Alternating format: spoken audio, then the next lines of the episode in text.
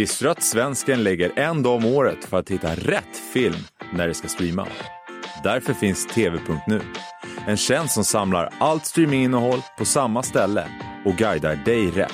Håll koll på streamingvärlden med TV.nu.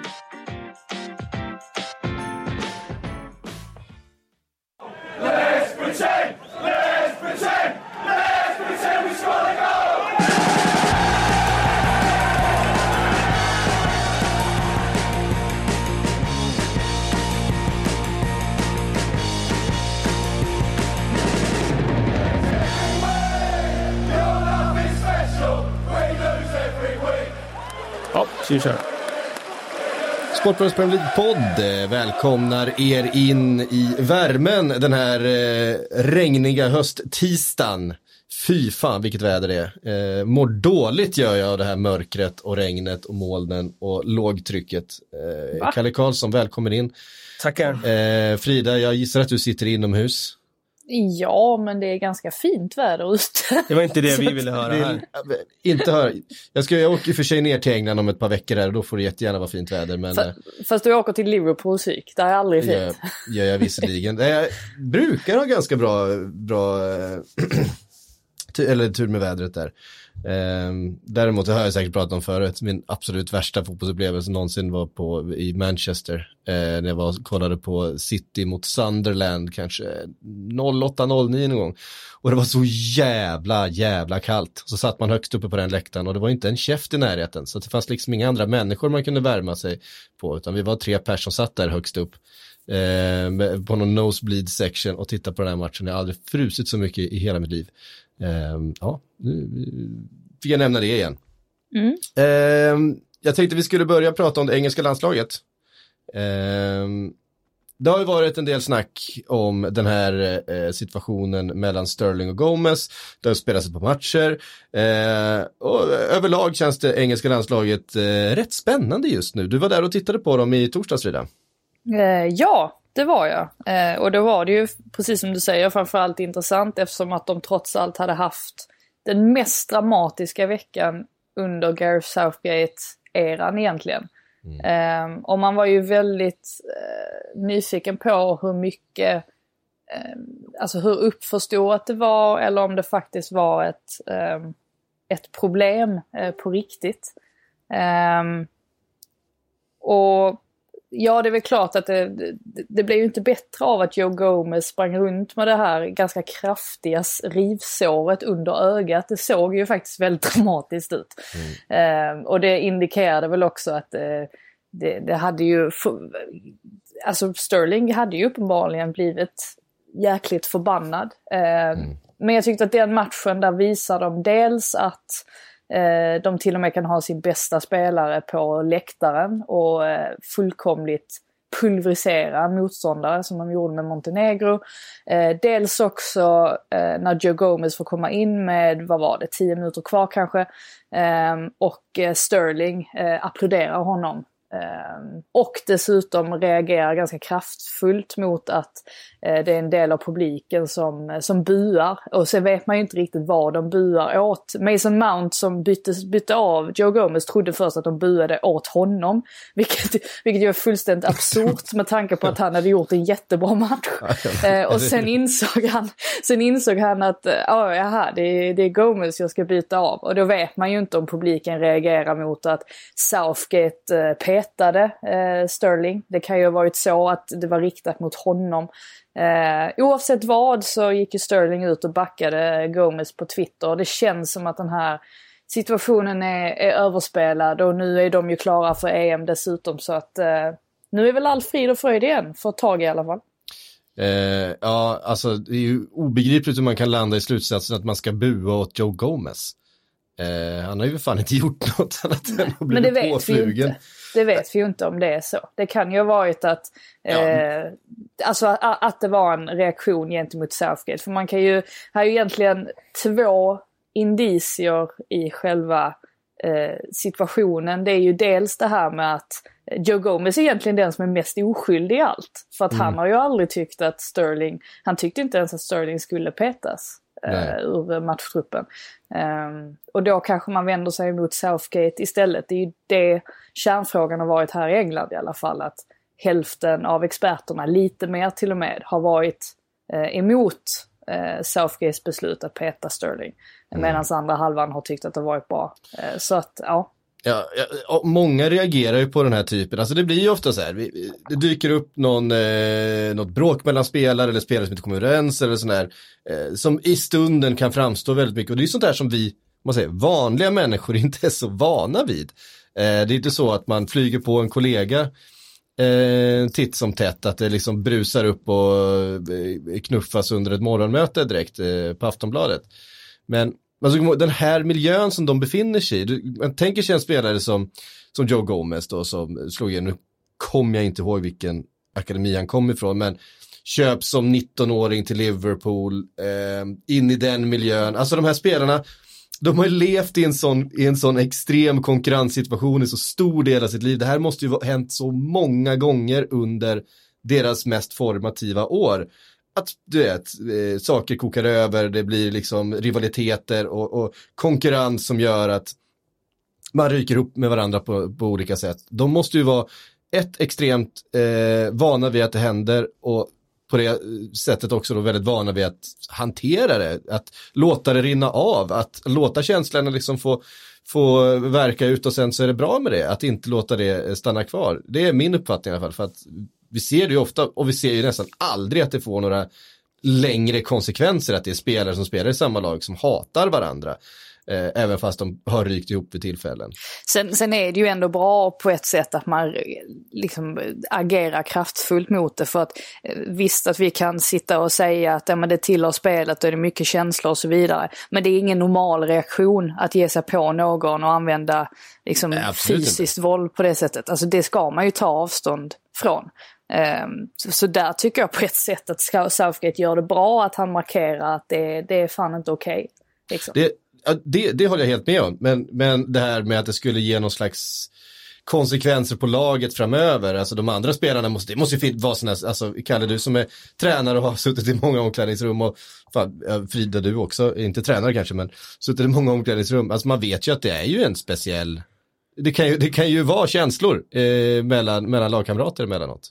Jag tror att alla spelare vet att det kan hetta till ibland och att det liksom det är framförallt ingenting som, eh, som blir, dras i någon långbänk, utan när man sen kommer in i omklädningsrummet, då brukar det vara eh, liksom rycka på axlarna och sen går man vidare liksom. Och, eh, eller åtminstone när man kommer till träningen nästa dag så ja, men då blickar man framåt igen. Så att ja, det sker ofta.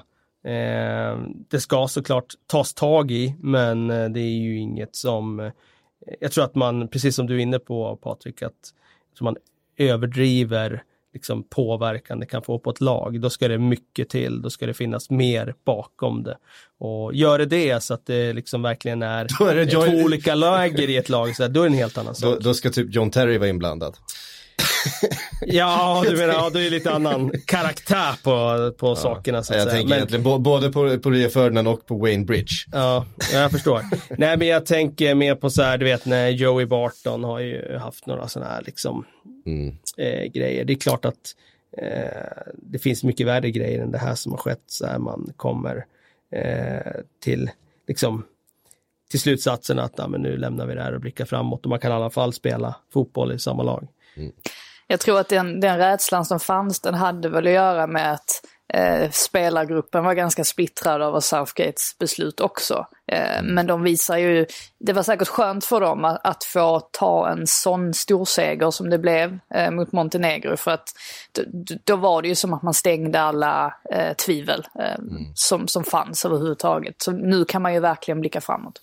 Det känns också som eh, uh, FA och framförallt då Gary Southgate har lärt sig en läxa av hur den förra gyllene generationen av engelska fotbollsspelare aldrig nådde upp till sin potential just på grund utav de här eh, splittringarna som fanns, alltså olika storstjärnor från olika lag, de konkurrerade så mycket i ligan mot varandra att de hade svårt att, att hitta ihop till en, till en, eh, liksom en lag Alltså att bli ett lag i landslaget, det var så uppdelat mellan Manchester United-spelarna, Liverpool-spelarna, Chelsea-spelarna, Arsenal-spelarna.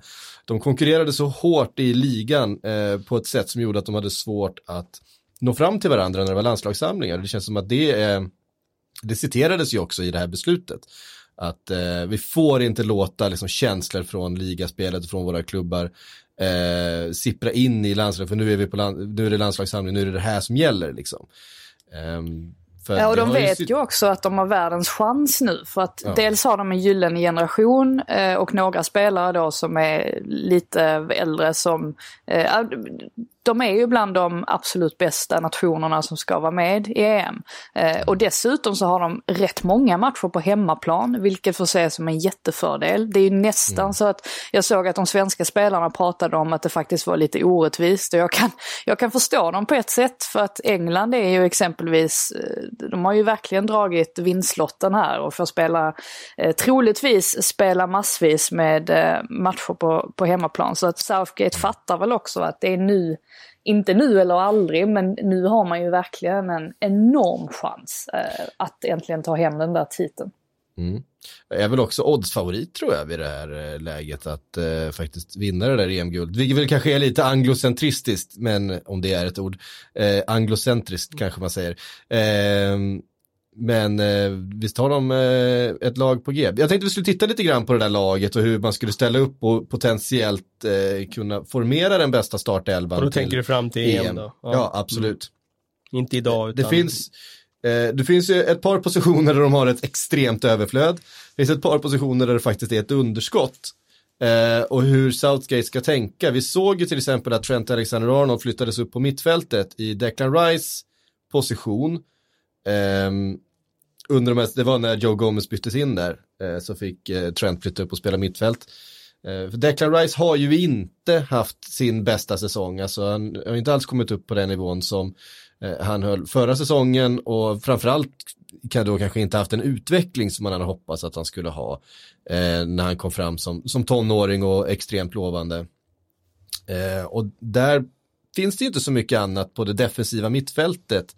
Eh, riktigt, det finns ju ingen brittisk spelare förutom Declan Rice då som, som eh, i Premier League vad jag kan komma på som, som vecka ut och vecka in spelar på den positionen. Harry Winks sa du Ja, Harry Winks då. Eh, eventuellt, men som är, är, väl lite, men inte direkt en sittande mittfältare på det sättet. Han är en annan är, typ av spelare. Mer en box-to-box-spelare och lite ja, mer. men han är ju mer en passningsskicklig spelare som sitter lågt ner i plan och styr rytmen och det beror på lite vad man vill ha för typ av spelare och vad, vad som passar i den fotboll man vill spela. Mm. Vill man äga bollen och sådär så tycker jag att Harry Winks kan vara intressant i den rollen. Helst kanske i en dubbel dubbel defensiv block i så fall, mm. inte ensam mitt. John Stones har ju faktiskt också spelat lite där utav eh, Pep Guardiola. Det finns väl kanske en förhoppning hos Southgate att han kommer få spela ännu mer lite speltid på den positionen. Samtidigt så... Eh, jag är inte övertygad där. Nej. Eh, och som sagt, högerbacken är ju där man har ett, ett helt enormt överflöd. Så eh, jag förstår ju Southgates tanke. Eh, Trent som ju är från början i sina eh, tonår skolad som eh, central mittfältare eh, har ju också uttryckt vissa förhoppningar att i framtiden spela där. Försöka spela in honom på den positionen för att han har så otroligt mycket bra täckning på högerbacken. Det finns ju nästan hur mycket spelare som helst för Southgate att välja och braka mellan där. Vi har ju liksom Kyle Walker och Trippier och Van Bissaka och så vidare. Ehm, hur, hur går snacket runt det defensiva mittfältet i, i England, Frida? Vad, vad, vad är dina tankar? Förutom eh, eh, Roy Keens sågning av eh, Declan Rice. Ja, vi kan ju ta in den nu då. Ja, du får ju redogöra för det. Komma ihåg då också att Roy Keane antagligen är lite, lite bitter då också för att Declan Rice valde England före Irland.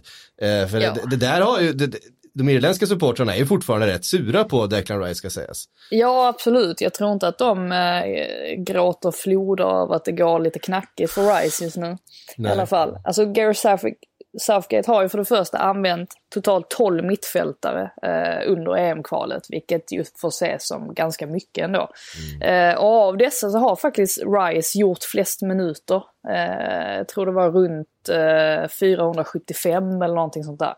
Eh, men, det, men det har ju inte gått eh, sådär jättebra på sistone och efter då mötet med Kosovo så eh, tog Roy Keane eh, till de stora orden. Eh, jag tror till och med han, han sa någonting i stil med att eh, han är slarvig med boll, han eh, eh jagar inte motståndarna tillräckligt eh, snabbt, han har spelat ur sig och laget eftersom han inte är bra nog, han måste imponera mer, ta chansen när han får det, till och med kroppsspråket är fel, han står på hälarna och joggar sen av, han gör samma misstag om och om igen. Och så tillade han på slutet till och med, jag är orolig för nivån på hans fotbollsintelligens. um, så att uh, Roy Keane har inte så höga förhoppningar om att det är Declan Rice som är svaret på Englands mittfältsproblem. För det är ju trots allt, det är ju faktiskt där de, de har en del frågetecken, precis som ni har varit inne på. Uh, ett um, förslag eller ett alternativ, det är ju att man kör med en trebackslinje. Eh, som skulle vara då med, faktiskt med Mings, Maguire och Gomes hade jag nog tippat då. Eh, för Mings, det känns som att han är ett alternativ för, eller en liten favorit hos Southgate. Han, eh, Eh, han hyllar honom ganska ofta och, och, och, väl. Och det innebär ju i så fall att man kan trycka upp både Chilwell och eh, Alexander Arnold som wingbacks, vilket eh, alltså passar dem ju väldigt bra eftersom att de båda två är väldigt, väldigt duktiga offensivt. Eh, och sen då, eh, ja, exempelvis då med Henderson eh, och Mount i, eh, som centrala mittfältare. Men det är, ja, det är ju ett, ett alternativ. Mm. Ja, det, det blir ju ett pussel att lägga där. Eh, en annan svagare position är ju målvakts, eh, målvaktspositionen. Där finns inte så mycket att ta av helt Nej. enkelt. Det, det skulle ju vara om Nick Pope gjorde en sån här supervår. Alltså då snackar vi supervår och liksom, mm. det är väl han som skulle kunna klättra förbi där. En annan högerback annars som... Eh, ja exakt, Walker kan ju alltid stå, han har ändå eh, fortfarande hållit nollan i sina framträdanden. Man har så mycket högerbackar så man kan eh, fylla upp alla problemområden med en, med en till högerback. Eh. Det ska, det ska sägas att Pickford gjorde en väldigt bra match. Nu var det bara, bara Montenegro, men han gjorde ett par räddningar ändå som... Jag tror det var skönt för honom att i alla fall få känna mm. liksom att ja, men det, nu, nu går det kanske lite bra igen. För att ja, han har inte haft den, den bästa av säsonger. Men han blir ju inte längre fram till EM, så att Patrik Syks bok så kommer han ju fortfarande vara ej kvalificerad för den rollen. Ja, det, det stämmer alldeles utmärkt. Um, och sen så uh, har vi då den, alltså den delen av laget där överflödet är som allra störst och det är offensivt. Och hur, hur uh, Southgate, det är ju angenäma problem såklart, men han har Kane, Rashford, Sterling, Sancho, Madison, Oxlade Chamberlain, Tammy Abraham och Mason Mount som ska liksom eh, in. Visst, Mason Mount kan spela lite längre ner i planen, Oxlade Chamberlain eventuellt också, men fortfarande så ska då Madison och Sancho och Sterling och Rashford och Kane in i ett anfall. Så såg vi ju att Oxlade Chamberlain startade som forward. Um, men de spelar ju typ 4-3-3 i den här matchen vad jag mm. förstår, eller Frida? 4-4-1-1. Mm. Ja, men det är samma, ja, men det är, ja, ja, det, det är ju gradskillnader, det beror på ja. hur högt man tar fram sina yttrar. Kliver de fram fem meter så är det 4-3-3 liksom. ja. Men, men, eh, men eh, det jag skulle säga var ju att jag tror att ändå att det är fyra spelare här som, som jag tror kommer att, att fram i EM vara lite längre fram då. Det är Kane, det är Sterling, det är Rashford och det är Sancho. Jag tror de fyra kommer ändå... Inte Tammy Abraham? Nej, jag tror inte det. Inte så att han slår... För han kommer ändå konkurrera med Harry Kane om den rollen. Och jag tror inte att han slår ut Harry Kane i ett EM-lag. Han kan vara bättre den här han, säsongen. Han skulle mycket väl kunna vinna skytteligan i Premier League. Absolut, men jag tror ändå inte han startar i EM före Harry Kane. Um, Såvida båda är hela under våren och sådär. Mm. Nej, jag tror inte det. Så att jag tror att de kommer vara lite före. Sen är det ju såklart superspännande att ha en sån som Abraham på, på en bänk och kunna slänga in om man fortsätter den här formen som man har haft nu under hösten. Mm. Och sen tror jag så här som Madison, tror jag inte heller kommer vara, eh, alltså det kommer inte räcka hur bra han än nästan är i Leicester att klättra förbi. Jag tror att de kommer vilja ha mycket speed på kanterna. Och det um, tror jag kommer öppna för spelare som Rashford, Sterling som är given såklart och, mm. och Sancho. Ja, Sterling och Sancho, Sancho har ju inte sin bästa säsong heller ska sägas. Han har ju inte riktigt eh, rosat marknaden i Bundesliga på samma sätt som han gjorde för ett år sedan. Eh, ja, Sterling är ju första namnet på, på pappret såklart. Han är ju eh, den största stjärnan i laget. Ja, alltså det känns i min, alltså precis som ni säger, Kane och Sterling eh, helt och fullt givna. Eh, sen är det ju lite beroende på vad Marcus Rashford är för form. För vi har ju sett Jadon Sancho få chansen för honom också. Eh, så att de två slåss väl i så fall lite om en startplats beroende på ja, hur det kommer se ut då i vår. Det kan ju hända väldigt, väldigt mycket. Eh, Oxlade Chamberlain tycker jag känns som en, alltså en en mittfältare liksom ja, i, det, i Gary Han kommer inte vara winger i, nej, alltså nej, ytter i ett absolut inte. inte. Utan han är ju central. Och spelar de 4-3-3 så tror jag de kanske bygger på en, en defensiv mitt och två åttor. Och där tror jag Mason Mount, han kommer slåss av en av de positionerna. Mm. Snarare än att han kommer vara en av de där tre offensiva. För som sagt, jag tror att ett engelskt landslag kommer att prioritera speed.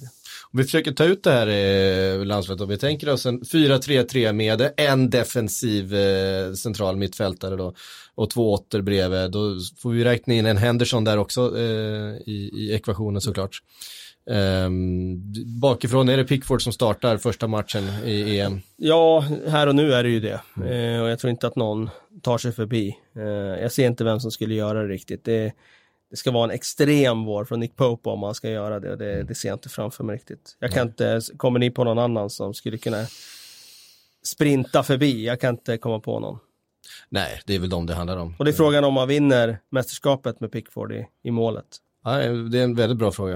Eh, Han var, var ju väldigt bra i VM, ska Ja, sägas. det är absolut. Det var, Eh, men de en- vann inte. Nej, det gjorde de inte. Uh, them little arms. Eh, eh, högerback, Trent. Ja, utan tvekan. eh, två, centrala mitt, eller två centrala backar. Ja, alltså jag skulle inte bli förvånad ändå om det blir Maguire och Mings eh, som vi kommer att se där eh, till sommaren. Eh, just nu verkar ju ändå Stones vara, eh, ja, alltså vara något form av första val men eh, jag tycker inte att han bör eh, vara så säker på den platsen. Han behöver ju spela mer fotboll, han har varit så väldigt skadad också och eh, inte fått någon kontinuerlig speltid under den här säsongen. Han skulle ju behöva spela sig i, spela sig i form igen, eh, känns det som. Jag, Samma jag sak med gissar bara att det blir Stones och Maguire när vi väl är framme i VM. Mm. Men det är intressant med Mings där, han ger ju en vänsterfot och det tror jag, det är den som Southgate är intresserad av. Mm. Bland annat. Han är stark i egen, i egen box också såklart, men jag tror vänsterfoten är den som är hans där i, för Mings del. Eh, vänsterback, Chilwell. Ja, Ja, det tror jag att det blir. Han har betydligt mindre konkurrens än vad, vad högerbackarna Ja, så är det ju. Och det är ju Eh, frågan om, om de då skulle kunna laborera och flytta över någon. Jag menar, Kyle Walker spelar en del vänsterback i- ibland i City och så vidare. Jag tror inte att de gör det. Men Det finns en Luke det, Shaw också Luke som Shaw kan ha skulle- en bra, bra vår liksom. han skulle kunna ha en bra vår. Eh, så någon av de två då.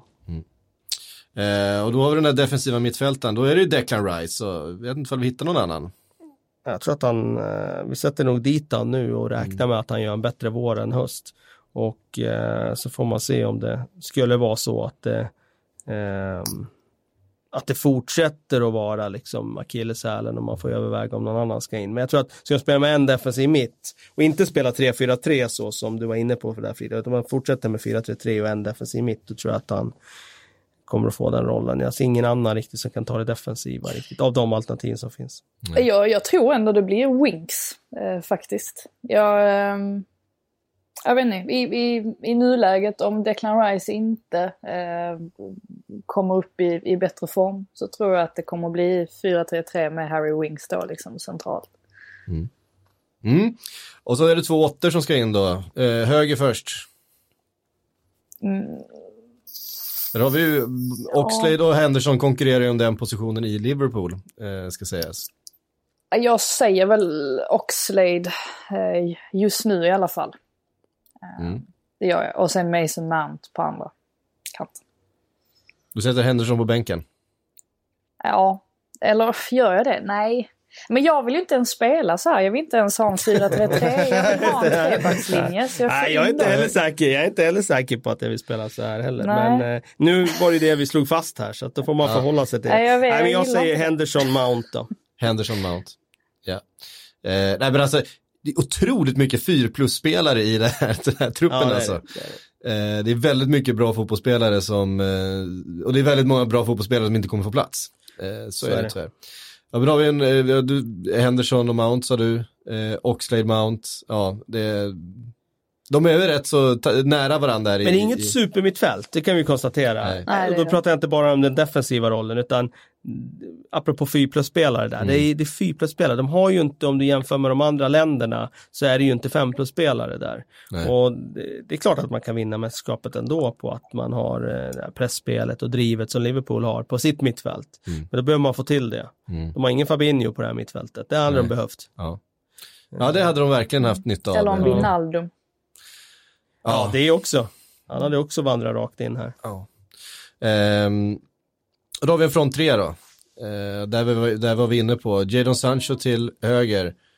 Ehm, Jag, jag tror på Rashford, Kane, Sterling. Eh, du, tror på, du tror på Rashford före Sancho? Alltså, det är en gissning. Det är Ja. inte så att vi skriver något i sten, men jag, jag tror att det kan vara Rashford, Kane, Sterling. Jag tror Rashford till det. vänster då? Nej, jag skulle säga, ja, det skulle kunna vara Rashford till vänster, precis. Och Sterling till Kane, höger. Mm. Sterling till höger, ja, skulle kunna vara. Skulle även kunna vara lite att man skiftar lite kant på dem. Samtidigt så vet jag att Rashford är ju inte lika effektiv till höger. Sterling vill ju kanske också vara till vänster, men han kan, Han ju fortfarande spela vara riktigt båda- bra på höger. Ja. Precis, så att, ja, jag säger de tre. Det är ett ganska bra lag.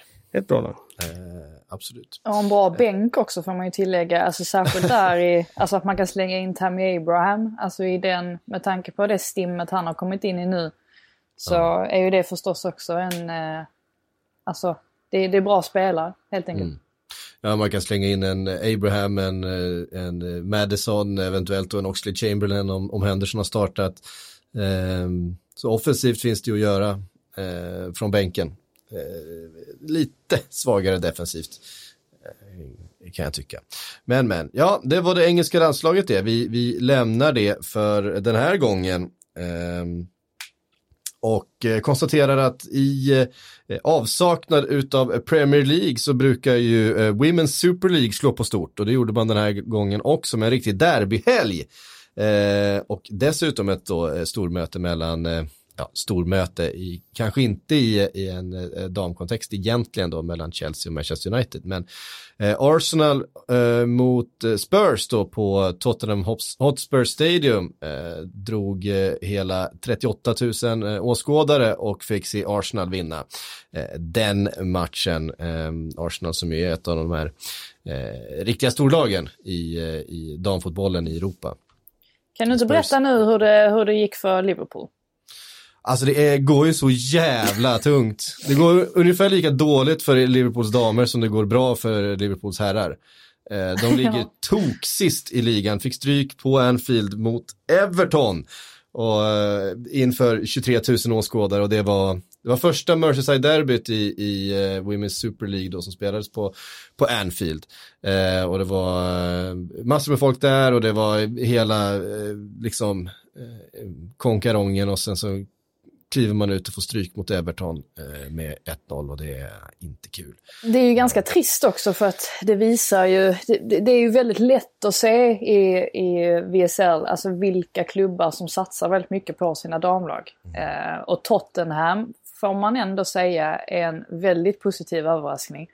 Eh, tycker de har gjort ett, eh, ett grymt jobb och spelar, alltså de, det var ju lite, eh, folk trodde ju att de skulle kliva upp och vara lite slagpåse. Eh, men det har de ju, har de ju inte direkt varit. Eh, så där har man ju faktiskt gjort någonting väldigt bra. Sen är det ju de gamla vanliga klubbarna där i, i eh, toppen. Alltså Chelsea och Arsenal har man ju alltid pratat om. Eh, Mm. Alltså titeljakten. Eh, men jag menar Manchesterklubbarna har också eh, varit. Eh, Liverpool brukade ju vara där uppe. Det var ju tidigare med sin damsatsning och har ju, har ju vunnit ligan ett par gånger och eh, sådär. Men det var några år sedan.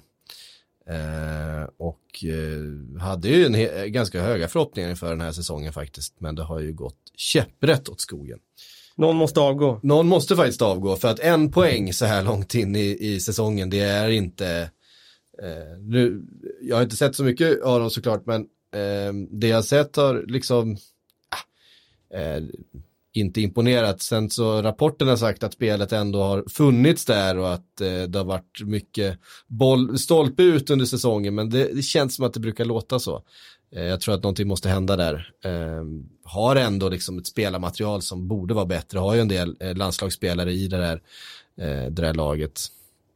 Ehm, men kanske måste man börja investera för att eh, tittar vi på andra klubbar som det går bättre för, Chelsea till exempel, så har man ju nu värvat Sam Kerr, eh, australiensiska superstjärnan som eh, kommer efter jul här till eh, i januari eh, och ansluter och blir ligans dyraste fotbolls, ligans bäst betalda spelare så ska jag säga. Eh, och det är ju en jättevärvning, inte bara för Chelsea utan för hela ligan såklart. Det här är ju det här är en superstjärna, eller hur Frida? Ja, gud ja. Och jag frågade eh, vår egen superstjärna Magdalena Eriksson eh, mm. efter matchen nu mot eh, Manchester United om eh, ja, men hur högt hon rankar Sam Kerr. Eh, och hon eh, anser ju att det är eh, världens eh, andra bästa boxspelare förmodligen. Eh, extremt skicklig. Eh, och, eh, och det visar ju också väldigt tydligt alltså vilka ambitioner som Chelsea har. Att man eh, vill komma, eh, att man vill vinna Champions League eh, för det första. Ehm, och ehm, ja, man etablerar sig som en, som en riktig storklubb även ute i Europa. och det gör ju det gör ju verkligen det här och att man dessutom får med sig en, det var en knapp 1-0-seger mot United ska sägas. Mm. Men eh, man får ändå med sig tre poäng och nu är man ju verkligen med och, och fightar om titeln på allvar. Till skillnad från förra året då när man i princip redan hade tappat den vid det här laget eh, till Arsenal. Mm. Ja, det är en, eh, och det här, hela den här helgen som har varit väldigt, eh, väldigt framgångsrik eh, för många lag, den kommer ju också Eh, kort efter att man slog nytt eh, rekord ju, eh, på Wembley med landslaget. Landslaget som går ungefär lika bra som Liverpool, eh, ska vi sägas. Eh, ja, för, för, de börjar bli lite sådär eh, fundersamma över om Phil Neville. Det, har, det gick ju väldigt bra för honom, egentligen fram tills bronsmatchen mot Sverige. Det var lite där det började. Ska de fortfarande vara glada att han, att han är där? Eh, som han uttryckte sig vid något, tillfälle att de ska vara, de ska vara nöjda att, jag, att, att ha mig när han var ifrågasatt. Har han sagt det?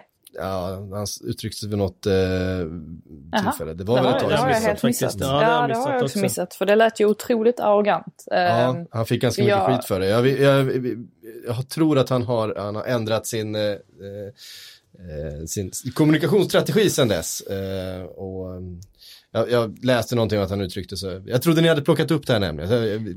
Nej, att han, att han nu har sagt att laget, laget är en reflektion av sin tränare och, och därför eh, eh, är ansvaret mitt nu när det har gått så här dåligt. Ja, det är väl bra att han säger det. Ja. men, eh, men alltså jag, jag fick ett väldigt gott intryck av honom under VM. Eh, fram tills då bronsmatchen mot Sverige när han betedde sig eh, får man säga, väldigt engelskt arrogant på presskonferensen efteråt och hävdade liksom att ja, men vi bryr oss inte om eh, bronsmedaljen och så vidare. Eh, sen tycker jag att man har ju inte vunnit, nu ska jag, nej jag tar nog inte fel, jag tror inte att man har vunnit sen, nej, sen dess i princip, alltså sen en match sen VM. Eh, och då var det ju till och med innan semifinalen, ja men det blev kvartsfinalen då ju, eh, som man senast vann en, en match. Eh, sen tycker jag inte man ska dra speciellt höga växlar av träningsmatcher. Jag har gjort det misstaget tidigare och gjorde det även med, eh, med Sveriges damlandslag. Eh, alltså det är ju de matcherna man väljer att experimentera väldigt mycket. Eh, så att, ehm, eh, och de har ju inte så mycket tävlingsmatcher nu i och med att de kommer eh, eh, hosta EM, vad blir det, Näst, nästa år. Um, så att, ja men får vi se. Jag, jag, tror inte att han hänger löst än. Det tror jag inte. Mm. Eh, nej, eh, däremot så förväntar vi oss väl att resultaten eh, blir lite bättre framöver. Vi vill säga det att Sam, eh, Sam Kerr cashar in en, en lön på ungefär 4 miljoner kronor om året. Eh, och det, det är ju helt okej. Eh, och i eh, damfotbollsmått fotbolls, eh, mått mätt, fan det var en svår Mm. mening. Ja, det var Eh, Sanchez veckolön, eller hur var det? Eh, ja, det, det så är det. Jag, jag tror han hade han inte ännu mer i veckolön. det var kanske ännu Ja, jag värre. tror det. Eh, faktiskt. Eh, det har ju också gått bra.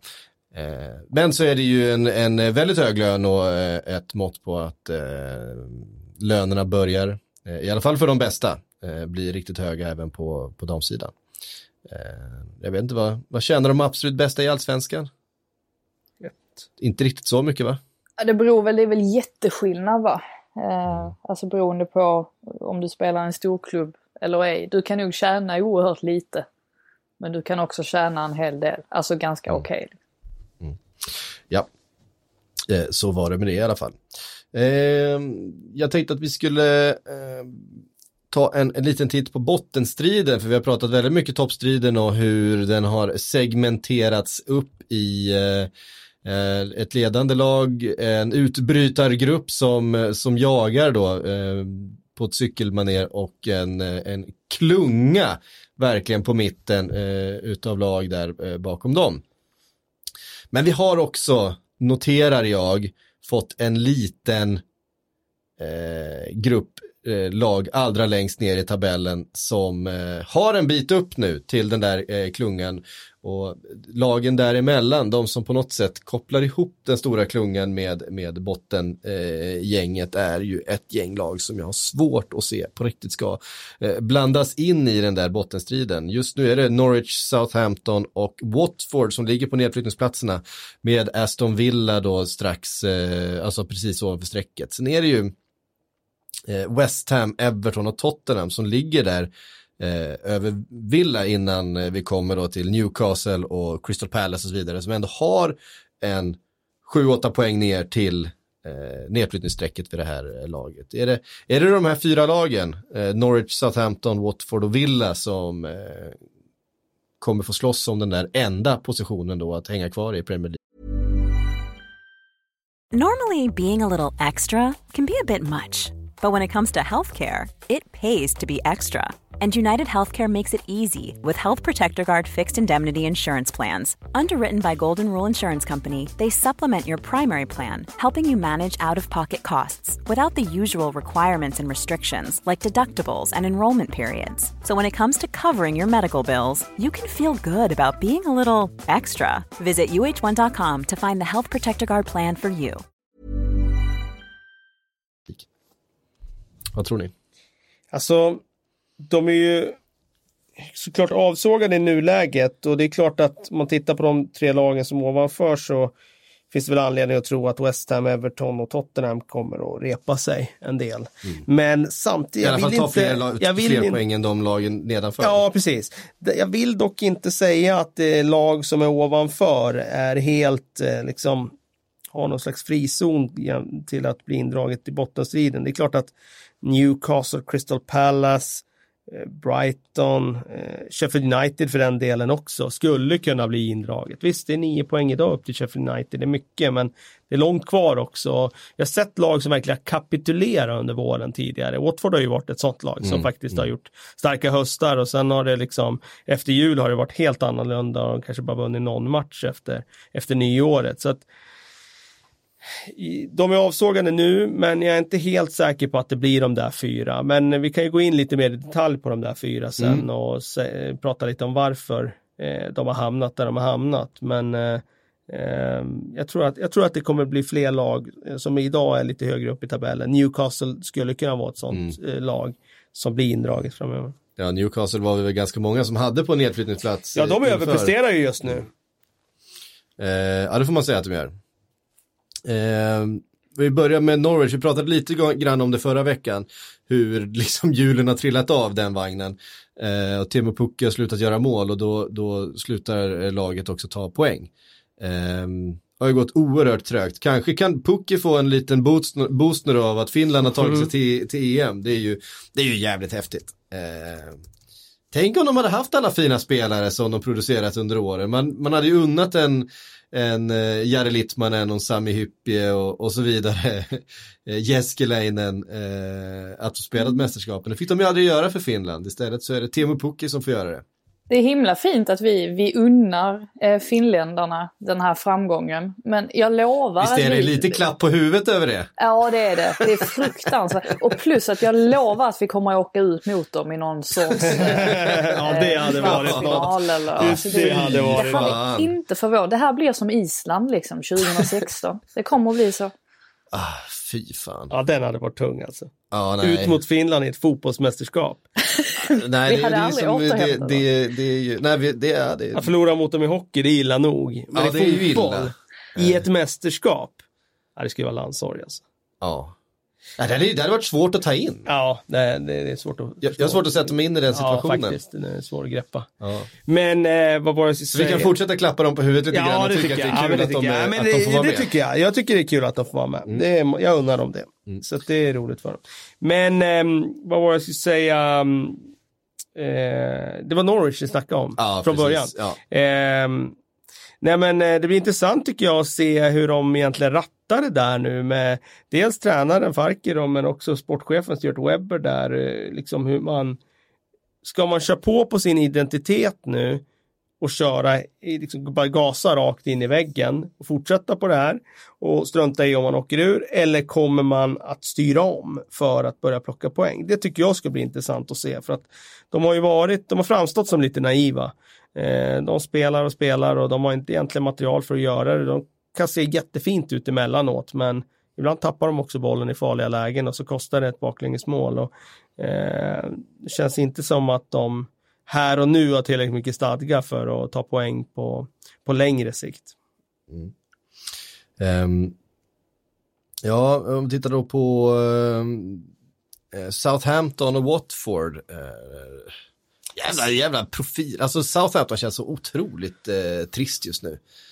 Eh, jag, inte jag är inte förvånad över att de ligger där nere. Jag tippar dem där nere och det alltså, jag tycker att de har ett ganska svagt lag. Mm. Eh, visst kan du hitta någon enskild spelare i SA-15 som är bra, men man får ju ställa det i paritet mot vad det är för lag de möter vecka ut och vecka in. Alla lag i Premier League har ju pengar för att köpa in bra spelare, så att tittar man på deras startelva så tycker jag att de ska vara där nere.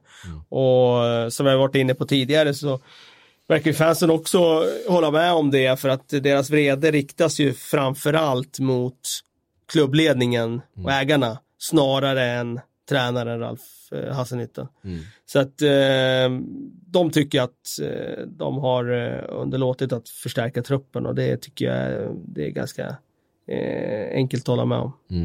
Uh, framförallt i den kontexten när man har sålt så mycket spelare. Ja, ja, ja. Det, Eh, liksom och det borde finnas in gott om, pengar. gott om pengar på Ja. bankkontot liksom. Sen är det lite deprimerande också att så det var ju en så otroligt fin akademi tidigare. Mm. L- gjordes ju så otroligt mycket bra saker i det där. Det var ju liksom folk som åkte över hela världen från andra länder för att studera SA-15s akademi och hur jobbar de och vad gör de som är så speciellt där. Och nu kommer det inte fram spelare i samma takt, i alla fall inte av den digniteten som det gjorde tidigare. Och det, det är också tråkigt, för det hade ju funnits läge för det nu när man inte har ett så bra material att ja, då kanske man hade kunnat skjuta in egenfostrade spelare istället. Ja, Aston Villa. Som nu ligger precis ovanför Ja, det där Watford strecket. som- också. Ja, Watford. eh, Ja, om vi börjar med. Watford Ja. då, så jag tycker där har man ju i alla fall sett att de har ju förändrat lite grann nu. Nu var det 5-3-2 här senast mot, mot Norwich. De är ju och- faktiskt det, det enda lag som har en liten positiv eh, Trend, ja. trend för, för stunden. De var ju så under isen i början av säsongen. Ja, och där tror jag kanske att det finns potential att vända om deras säsong då från att tidigare varit bra på hösten till att göra en stark vår. Jag tror att det finns ett lag som kan plocka poäng där och kriga sig till poäng. Och nu tror jag att de har hittat något med att spela fembackslinje där. Det såg väldigt kompakt ut i alla fall nu eh, senast så att, eh, och lite mer omställningsbaserat och sådär. Så att eh, det finns något där tror jag för att, för att klättra. Mm. Och Aston Villa. Eh, det är väl lite grann som jag- jag tycker också att det, det, det känns lite för mycket Championship över det här Aston Villa. Jag tycker Jack Grealish eh, är ju en spelare. Eh, Ja, det är, ja, absolut, det är han ju. Men samtidigt finns det inte också en risk att man överskattar honom lite grann också. Att han har varit jäkligt bra för Villa i Championship och han är jätteviktig för dem, men titta på andra lag i ligan, de har ju också en spelare som, som är riktigt, riktigt bra spetsspelare. Och det är deras spetsspelare. Och så har du McGinn som är en jäkla mittfältslunga som kan fylla på i andra vågor. Sen är det inte så mycket mer. Eh, det är klart att de gjorde en bra match mot Liverpool. Minns i försvaret såklart, det är ju en klippa. Men de gjorde ju en bra match mot Liverpool. Men det känns ju ändå som att det är sånt där lag som, som finns inte riktigt någon identitet, det finns inte riktigt någon spets för att eh, har de en spelare som gör mycket mål till exempel? Nej, det, det ser man inte framför sig. Wesley. Eh, ja, precis. Kommer han göra tillräckligt mycket mål för att rädda dem kvar? Jag ser inte det. Inte nu, här och nu i alla fall. Nej. Dean Smith, vad har, vi för, vad har vi för aktier på honom? Starka i Birmingham och i fanskretsarna eftersom Ja, han har liksom Han är ju, Så. ja, han är ju precis som i, i, i Sheffield liksom en, en supporter. en local guy, ja. Så Ja. att de är nog starka. Jag tror ja, han skulle nog kunna överleva en nedflyttning också. Alltså, Mm. eh, det, det tror jag är tack vare sin lokala förankring och sådär. Mm. Men eh, eh, det är klart att det är tuffare att komma upp i, i Premier League även som tränare och det tror jag att han har i alla fall fått erfara. Yes, eh, det var botten det. Får se ifall det är någon av dem som kan repa sig lite grann. Och framför, de är väldigt beroende av att något av lagen där uppe går in i en riktigt tung period och, och slutar ta poäng helt och hållet. För ehm, Det går inte att utesluta heller att ett lag rasar ihop, för det har vi ju sett nästan varje säsong Ja, ja, att någon gör på våren. Så därför vill jag inte skriva i sten att de här fyra liksom är bottenfyran som ska slåss om det. Utan jag tror att det kan vara något av de andra lagen som bara totalt kapitulerar. Eh, verkligen. Vi har fått mängder med frågor, men för, innan vi tar dem så ska vi bara ta och titta framåt lite eh, mot helgen. Vi har visserligen en liten ångestmatch då i West Ham Spurs som är intressant just eh, med tanke på den gruppen nedanför dem. Eh, så man vill, gärna vill lägga lite dagsljus emellan sig och den där nedflyttningsgruppen då. För både Tottenham och, och, och West Ham. Men framförallt har vi Manchester City-Chelsea som eh, ska på något sätt ta kommandot i den där utbrytargruppen bakom eh, Liverpool. Eh, Manchester City behöver på något sätt ta tillbaks kommandot där i, i, i, i toppen. Eh, var det självklara laget som, som jagar om den där titeln. Eh, Chelsea har ju överraskat många. Vad, vad säger ni inför den här matchen? Ska vi försöka ta ut en sån här gemensam startelva och se ifall eh, vi hittar några Chelsea-spelare i den överhuvudtaget? Vi hyllar ju ofta det här Manchester City som det bästa laget eh, Tar det i, i modern nu, tid. nuvarande skadesituation eller? Jag tror vi, vi, det kan vi väl göra då för att göra det lite mer intressant. Eh, just med tanke på att eh, City har så pass mycket skador. Nu får vi väl se. Det är väl lite frågetecken på en del då, men det, det är väl de mer tydliga skadorna som vi får räkna bort. En Laporte till exempel och sådär. Eh, Ederson eller Kepa i mål? Eh, nu är det lite oklart om Ederson ens kommer till spel. Han har väl lite problem, han också. Eh, Ja, det blir precis. Kepa då. Ja, jag, jag hade nog sagt Kepa i alla fall faktiskt. Så att, Oj, det är också en tvärvändning från dig. Du var ju oerhört eh, Ederson-frälst tidigare. Jäklar alltså. Det- ja, men Ja, på, jag- jag. Jag baserat på nuvarande bra. form, tänker Ja. jag ju. Det var väl Vad sa du? nuva- baserat på nuvarande form var det väl vi skulle... Ja. Ja, jag tycker han har gjort en grym höst. Ja, det har han verkligen gjort. Jag tycker också Kepa har varit en av eh, ligans bästa målvakter den här, eh, den här hösten. Um, högerback hittar vi väl kanske i, ehm, i Manchester City ändå, vad det blir Kyle Walker som eh, får, Ja, får ta den. Reece James har inte sprungit om än. Nej, inte än. Han kanske gör. Han ser oer, oerhört Nej, spännande men det får nog ut, bli Ja, men det tror jag. Kyle Walker. Jag tror dock Eh. att Reese, det skulle inte bli förvånad om han, eh, alltså återigen, eh, petar eh, gamlingarna. Eh, Mm. För att det, det känns som att han faktiskt har spelat till sig den platsen. Det är häftigt. Han kanske till och med, ja, hade, det, det är viss konkurrens på den här högerbacken i landslaget som vi var inne på, men eh, han kanske ska in i diskussionerna där framöver också, Reece James, eh, beroende på vad han gör för eh, säsong. Eh, mittbackarna då, Laporte skadad för eh, Manchester City, så de tar vi bort. I övrigt så har de Otamendi, Stones, eh, Fernandinho är den som har spelat, eh, varit mest eh, consistent eh, på det centrala Jag hade tryckt in Tomori i alla fall. På den Mm. ena. Eh, Tomorin Hur, hur ser säsongen ut för Rydiger? Nej, inte han, alls. han kommer Nej. tillbaka i december troligtvis. Det är något sånt. Är det senaste. Ja, det är ju Zuma som har spelat bredvid där och då har ju Tomori imponerat mer, Mm. tycker jag. Ja. Eh, och Christensen har ju lirat en del, men, men eh, ja, jag köper också Tomori in på den här hösten, absolut. Och vem ska spela bredvid honom då? Det får Ja, det bli någon. City-spelare alltså. Är det Otamendi? Är det så, är det så illa att vi inte får, ihop, får in en bättre mittback än Otamendi i en gemensam elva mellan City och Chelsea? Nästan Eh, Fernandinho. Ja, det är nästan Ja. Fernandinho ja. ja. Faktiskt. Eh, Ja, då får vi ställa Fernandinho där. Ja, vi sätter han där. Eh, Eftersom vi har andra eh, duktiga mittfältare som vi, som vi kan laborera med lite senare kan vi stoppa in Fernandinho där då. Och sen en vänsterback. Det är Ja, väl Mendy ändå. Inte? Har inte fått sådär jättemycket kärlek utav, utav Pep den här. Nej, men eh, jag går bara på nivå. ja. Ja. Jo, men faktiskt för andra sidan, ja, för vem skulle annars? Det skulle ju vara... eh, Angelino ja, en men-. Det skulle ju vara Han Emerson. var inte så bra var det inte. Ja, Emerson skulle det kunna Eh, vara. han har ju inte spelat så mycket, han har ju också haft problem med skador och sådär. Eh, Cancelo kan väl kliva ut där eller? Jag, jag, jag sätter Mendy där. Ja, då Ja. sätter vi Mendy där. Eh, vad har vi för uppställning? Det är 4-4-2 vi tar ut eller? Eh, 4-3-3. ja, 4-3-3 får det bli väl. ah, okej då. Eh, då har vi en central eh, defensiv mittfältare då. Ja, Jag tycker Jorginho har varit bättre den här Ja. säsongen än vad Rodri har varit, så att jag tar honom. Håller med. Kanté? Någon? Nej, inte, eh, Han har knappt inte spelat. nödvändigtvis. Vi har ju en defensiv bara.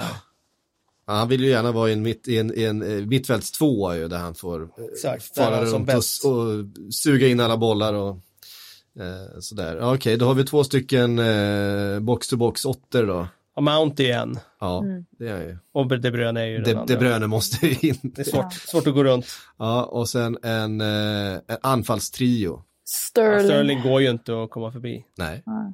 så är det. Abraham måste ju vara den i mitten på den här hösten.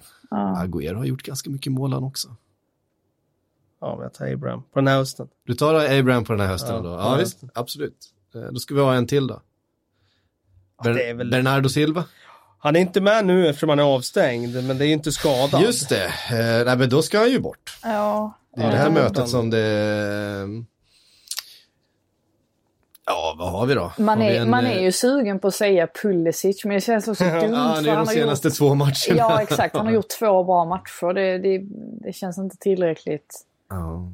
Det finns ju en Mares såklart. Han har inte varit sådär superbra. Nej, han har inte eh, spelat så mycket heller och inte varit Nej. så bra. Nej. den är svår. Den är ju, och det är inte Hudson och Doy heller såklart. Nej. Nej, Men in med Pulisic då. Ja, vi, vi trycker in honom. Ja. Vi trycker in honom. Absolut. Mm. Det blir kul. Men Ja, det, var ganska, det var ganska jämnt mellan de två lagen. ändå, mer jämnt än vad man kan tro, men det är ju lite med skadesituation absolut. och sådär också. Absolut. Ehm, mm, det blir en spännande match i alla fall. Eh, helt klart. Nu ska vi svara på lite frågor då. Ehm, vi har fått en um, som lyder så här. Uh, se vem det var ifrån. Hannes Svensson. Vem blir nästa svensk i Premier League? Eh, och hur skulle England ställa upp i en EM-final? Det, har vi redan, pratat om. det har vi redan pratat om. Men vem blir nästa svensk i Premier League? Frida, det är du som har agentkontakterna. Eh, ja, nu har jag ju inte funder- alltså, suttit och funderat på den här frågan eh, speciellt länge. Eh, men det brukar ju oftast vara de som det pratas väldigt mycket om. Och Kulusevski är väl eh, på allas radar eh, just nu. Absolut. Kulan ska in. Ja, men precis. Kulan. Eh, det är väl inte... Och sen eh, Mattias Svanberg gjorde ju succé här under söndagen också. Det känns som att han också är ett framtidsnamn. Man får väl tänka lite så kanske. Ja, känns, känns som en risk det här med att vara en ung talang i Serie A och värvas till en Premier League-klubb. Ja, det är inte lätt alltså. det, det känns som Samtidigt när det är de där summorna som det snackas om kring kulan nu Mm. så det är inte så många som har råd med det. Det ska vara en stor klubb i någon av de där ligorna och det är inte Verkligen. lätt att ta plats där heller. pratas om 400 miljoner. Precis, Ja. och, och det är klart att eh, det finns klubbar i Premier League som har de pengarna som kanske inte är någon av de största klubbarna. Fast Så att det finns ju fler intressenter. Nu kommer jag på en. Nu kommer jag på en. Eh, det är lite sådär wildcard ändå för att hans spelstil kanske passar bättre i typ Spanien egentligen. Men Kristoffer Olsson, där har vi ju vår nästa storstjärna ändå. Inte helt Ja, men det är. Spanien va, på honom va? Jo, absolut. Alltså det tycker Serie jag också. Spanien. Men där har vi i alla fall någon i landslaget just nu som det känns som att alltså, han kommer hamna i. Han en- håller nivå. ja, han håller en nivå som är eh, lite extra. Liksom. Det får bli ganska många skopor proteinpulver annars om han ska in och liksom kriga på ett eh, eh, Premier League mitt. Eh, Och framförallt om vi inte pratar liksom absolut bästa lagen som står och håller boll 70% av matchen. Jag vill säga att han ska till ett, Everton. eh, vad vet jag, ett Everton till exempel. Ja, precis. Eller ett West Ham eller sådär. Ja, Det kommer ju funka i början innan de har lärt sig hans mottagningsfint. Sen när de har lärt sig den och, och kliver dit, där, dit det, det hållet där, dit han går, då Mm. kommer det ont. va? Ja, men jag bara tänker, precis. han har ju ändå ett förflutet i Arsenal. Så han har ju någon form av koppling hit. Liksom. Ja, men, eh, kanske kan teama ihop med Gwen Doshi där då. Eh, I Arsenal, tillbaks till, eh, till rötterna. Ehm, vi har fått eh, Nils Henningsson undrar, vad är problemet med West Ham? Truppen är hyfsad och de ser helt för jävliga ut just nu. Till och med Rice har varit svag. Allaire ser ut som Carroll gjorde, stod själv där uppe och fick ingen hjälp alls. Tar man ens poäng närmsta fyra matcherna? De har ett ganska tufft spelschema nu. Eh, Jag snackade vi inte om det spelschemat här förra gången? Eller de har lag liksom alla, de har bara topp 6-lag eh, nu närmsta fyra. Ja. Tottenham det blir ju en och sen så är det intressant match där mot. Tottenham. Med De tanke har på att... Tottenham, Chelsea borta, Mm. Wolves borta, Arsenal hemma. Den är, den är jobbig. Och då är vi alltså i, framme i 9 december när de möter Arsenal. Då. Mm. Det är en riktigt tuff eh, streak de har här. Ja. Helt... De kommer nog kanske vara nere under strecket innan de eh, börjar hitta, hitta poäng igen. Eh, med tanke på utgångsläget eh, rent poängmässigt nu också. Men det är lite Eh, konstigt för att det- känns som att ingen, ingen verkar riktigt förstå varför det har gått så trögt för dem. Um, alltså jag vet att när jag pratade med Declan Rice till exempel då så kunde han inte förklara någonting för han menar på att ja, men det ser jättebra ut på träningar och sen går vi ut på matcher och så är vi skitdåliga. Det är också oroväckande när man inte kan peka ut vad det är som inte fungerar. Men sen samtidigt så är det någon tränare som ska lyckas med det så, så är det väl eh, Pellegrino. Så att, ja. Tycker det är lite konstigt att Ogbonna som är rutinerad och har eh, alltså, erfarenhet från, från eh, större klubbar och så vidare har hamnat i så, sån eh, kylbox. Mm. Eh, sett till hur Balbuena Diop har presterat så kan jag tycka att han kanske borde ha fått mer speltid. Ja, det, det sägs ju nu också att Benitez följer utvecklingen i West Ham. Han är lite sugen på att komma tillbaka. Ja, du ser, du ser. Ja, svårt att se Benitez trivas i Kina. Alltså, jag vet, det känns inte, han känns som han, eh, han, gillar ju, han gillar ju England. Han, han, han gillar ju eh, att bo där och, och, och vara där. Han, han hade ju aldrig tagit Newcastle-jobbet eh, så strax efter Real Madrid om man inte hade en, eh, en vilja att vara i, i, i Premier League och eh, i den miljön. Ja, ehm, fått en fråga från Rickard Johansson. Eh, den här tyckte du var kul, Kalle. Eh, gör en 11 av Rodgers lag med Liverpool 13-14 och dagens Leicester. Ja, Eh, och den är klart, den är lite speciell. Ja, den är lite Eh, speciell. Den börjar ju, börjar ju bra för Leicester för att du måste ta Kasper Schmeichel före Mignolet. Ja, det, det, det är solklart. För Ja. det var ju verkligen Liverpools svaga punkt där. Att Ja. försvaret och målvakt var ju inte tillräckligt bra för att vinna ligan. Eh, såklart. Eh, I backlinjen tror jag det blir mycket Leicester också. För Ja, att backlinjen var ju väldigt svag i Liverpool. Släppte in Framförallt, mycket mål. framförallt ytterbackarna. Eh, Ja, Chilwell är given till ja, vänster, Pereira, också. Eh, Pereira är given. Ja. Och sen mittbackarna. Nu gjorde väl han i och för sig en bra säsong där, Martin Skertel. Visst Skertel gjorde typ åtta mål eller något sånt där dessutom och gjorde en väldigt bra säsong. Eh, tillsammans med Daniel Agger då. Just det. Ja, men säg att det är Johnny Evans och Skertel då. Ja. Absolut. Petar Syunsi. Mm. Men jag, tror- jag tror någonstans där vi landar. För Skertel var bra den säsongen. Vet. Jag vet, Så på jag, mitten. Vad ställer, hur ställer Ja. vi upp då? Fyra jag, till tre. jag vet vem vi petar centralt i alla fall. Den är inte svår. Vem petar vi då? Ja, Henderson får ju ryka. Ehm, Nej, vi, äh, vi pratar om eh, Leicester ju. Herregud. ja, Fast Steven Gerrard ska in ändå ju. Så att, Ja, Steven George ska in. Steven Gerrard ska definitivt Ja, in. han kommer ju peta NDD för att den säsongen, han har ju varit lite upp och ner, men Mm. den säsongen hittar han ju tillbaka i en defensiv roll. Kommer du ihåg det? Han ja, spelade visst. ensam eh, def mitt och var väldigt, väldigt bra. Han var ju själva definitionen av liksom en quarterback Ja, precis, precis. Eh. Och hade ju egentligen inte haft det där positionsspelet för den rollen tidigare, för fladdrig och sådär. Mm. Men just den säsongen så tyckte jag han hittade rätt i den rollen. Eh, så han är given där. Mm. Och så ska vi ha två stycken framför då, det, vad hade Liverpool den säsongen? Det var ju Henderson och Coutinho Ja, precis, det var det. framförallt eh, som spelade. Henderson var bra den säsongen. Ja, alltså Roger spelade ju framförallt med en, med en eh, diamant då. Joe Fyra- Allen måste ju ha varit där. Joe Allen var absolut där, eh, verkligen. The Ehm. well, well Xavi. Ja, precis. Han spelade ju ofta, Henderson tog ju ofta högerpositionen då i, i diamanten och sen Just spelade antingen Coutinho, Joe Allen, Sterling eh, som diamantspets då. Ja. Eh, och sen eh, till vänster då, eh, någon av liksom Joe Allen eller, eller eh, Coutinho. Eh, lite beroende, de, de roterade lite grann, vem som var, men ofta var det ju, var det ju Coutinho eller eh, Joe Allen tror jag till vänster i, i den diamanten. Ja, just det. Men en sån som Madison skulle man väl kunna få in där på, Till vänster, eller ja, på, som ja, en det beror åtta. på vad man vill ha någonstans. Någon, någon, någon åtta roll eller tia. Mm. Ehm, vad hade vi då då? Ja, vad hade vi? Ja, eh, stoppar, vi in, eh, stoppar vi in Henderson där ändå? Ja, det kanske vi gör. Det, gör, Han som var sagt, det, var- det var en väldigt bra säsong av honom då. Mm. Det var det. Ja, men vi gör det då. Ja, och då har vi en front trea. Det är rätt svårt att peta Suarez från säsongen 13-14. Ja, det, det är väldigt svårt. Så att, eh, jag skulle nog säga att, eh, att han ändå får platsen Eh, där framme. eh, Suarez ja. Ja, ja, ja det får han. Det är fortfarande det bästa jag sett någon spela Ja. eh, fotboll, eh, just den, den hösten han hade där. Ehm, och sen, sen är det då, vi ska, eh, skulle man haft eh, en Madison kanske i en front trea istället? Ja, det till, kanske är där han ska in. Man vänster. kanske Eller ska ska man stoppa in där. Och Thielemans på mitten kanske. Thielemans på mitten kanske? Ehm, Sterling, Thielemans och Coutinho åttor.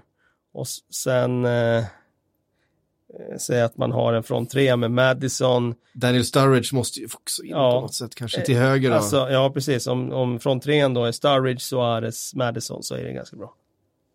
Ja, absolut. Ja, men där har vi den. Det Det, finns en del, det finns ju några stycken från det här Leicester som ändå går in i det där laget. Ja, säger ju någonting om hur ligan har utvecklats. Men också lite liksom. hur det finns ganska lika roller. Vi har varit inne på att Vardy liksom har lite den här Suarez eh, eh, instinkten just nu och spela på det sättet. Och, eh, Det är häftigt eh, med ligans utveckling att ett lag som Leicester kan ha så bra spelare idag så att Mm. det tangerar liksom det Liverpool hade när de var uppe och slogs om ligan för, Mm. vad är det, sex, sex, fe- fem, sex, sex år sedan. sedan. Ja, fem år.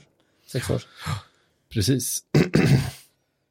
Ehm, eh, Jesper undrar vilka lag tappar i andra halvan av säsongen och vilka lag lyfter? Ni bara får rycka några Nej, ur hölstret. jag, tror och hoppas på Watford att de lyfter. Ja.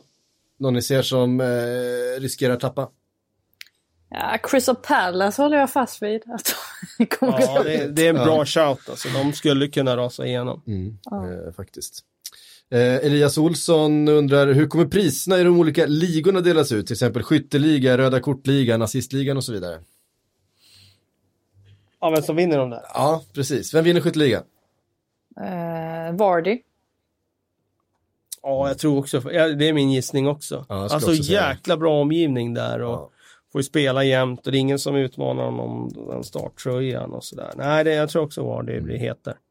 Och de spelar offensivt. Eh, det, det kommer ju alltid vara Brennan Rodgers. Eh, vem tar flest röda kort då? Jag tror inte det är Sean Longstaff ändå. Nej, och så fortsätter han tackla på det där sättet så kommer det, så kommer det fortsätta bli röda kort, så kan vi säga. Ja, ja, men det, jag tror inte det är typ... ehm, Det är svårt, det är, bara, Ja. det är någon som landar på två röda. Det är max det man kan landa på. jag tror inte det Säg blir Sean sån Longstaff heller. då. Ja. Jonjo. Han är ju alltid en het kandidat till, till, de röda Jag korten. du skulle säga. Eh, man får ju inte spela så mycket, men han får ju Nej. kanske spela då om Sean Longstaff Han är avstängd. ja, då. precis, och då är jag kapabel att ta två röda. Jag tror Newcastle ligger bra till att vara laget som tar flest röda. Kanske. Eh, Det skulle jag säga.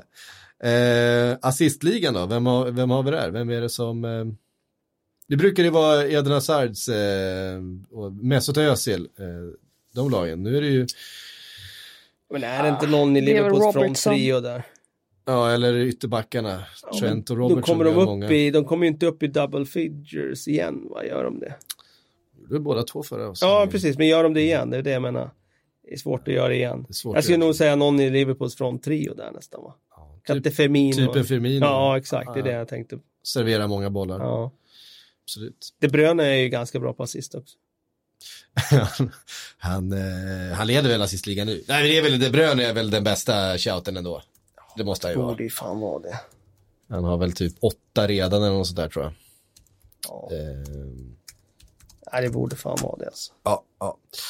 Eh, El, Eli, Elo, någonting. Eh, undrar, har Klopps och... Han har nio assist hittills och tvåan i assistligan har fyra. Så att eh, vi får nog revidera där och säga att eh, De Bruyne är ganska stor favorit att ta Ja. hem den. Ja, precis. Jag tänkte nog sådär att Firmino och de här i Liverpool hade fler, men eh, det är nog ytterbackarna som serverar många av dem där. Ja, det är ju så. Hur många hade han, De Bruyne? Nio. Han har nio. Och tvåan på listan, det är alltså Harvey Barnes, David Silva, Dwight McNeil, Buendiana, Robertson. De har fyra. Så det, är en, eh, det är en uppförsbacke om man ska komma ikapp där. Ja, Just nu. Absolut. Eh, sen kommer han ju fortsätta slå eh, en och annan assist.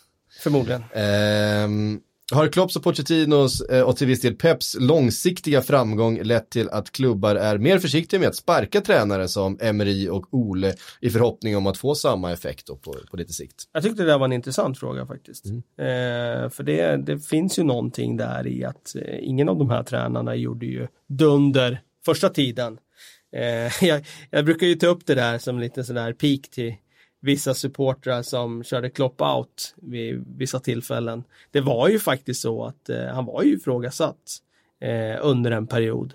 Eh, och Pep hade ju en tuff första säsong. Och jag tycker att det finns något intressant där. i- Frodiola som han själv Ja, just det. Nej, men det, som, det finns ju något intressant där i att de är ju så otroligt stora namn. Så de har ju fått ett mandat att ha en tuff första period och ändå fortsätta bygga. Och eh, det är inte alla som har det stora namnet som de två har. Och där finns det väl någonting att lära tror jag för andra klubbar att, eh, att eh, med tid och tålamod så kan det, kan det bli en förbättring. Mm. Absolut. Oh, hörru ni, vi hade inte så mycket att prata om idag tänkte, tänkte jag först, men eh, nu har klockan sprungit ifrån oss i vanlig ordning. Eh, tack Kalle för att du kom hit, tack Frida för att du eh, fanns i London för oss.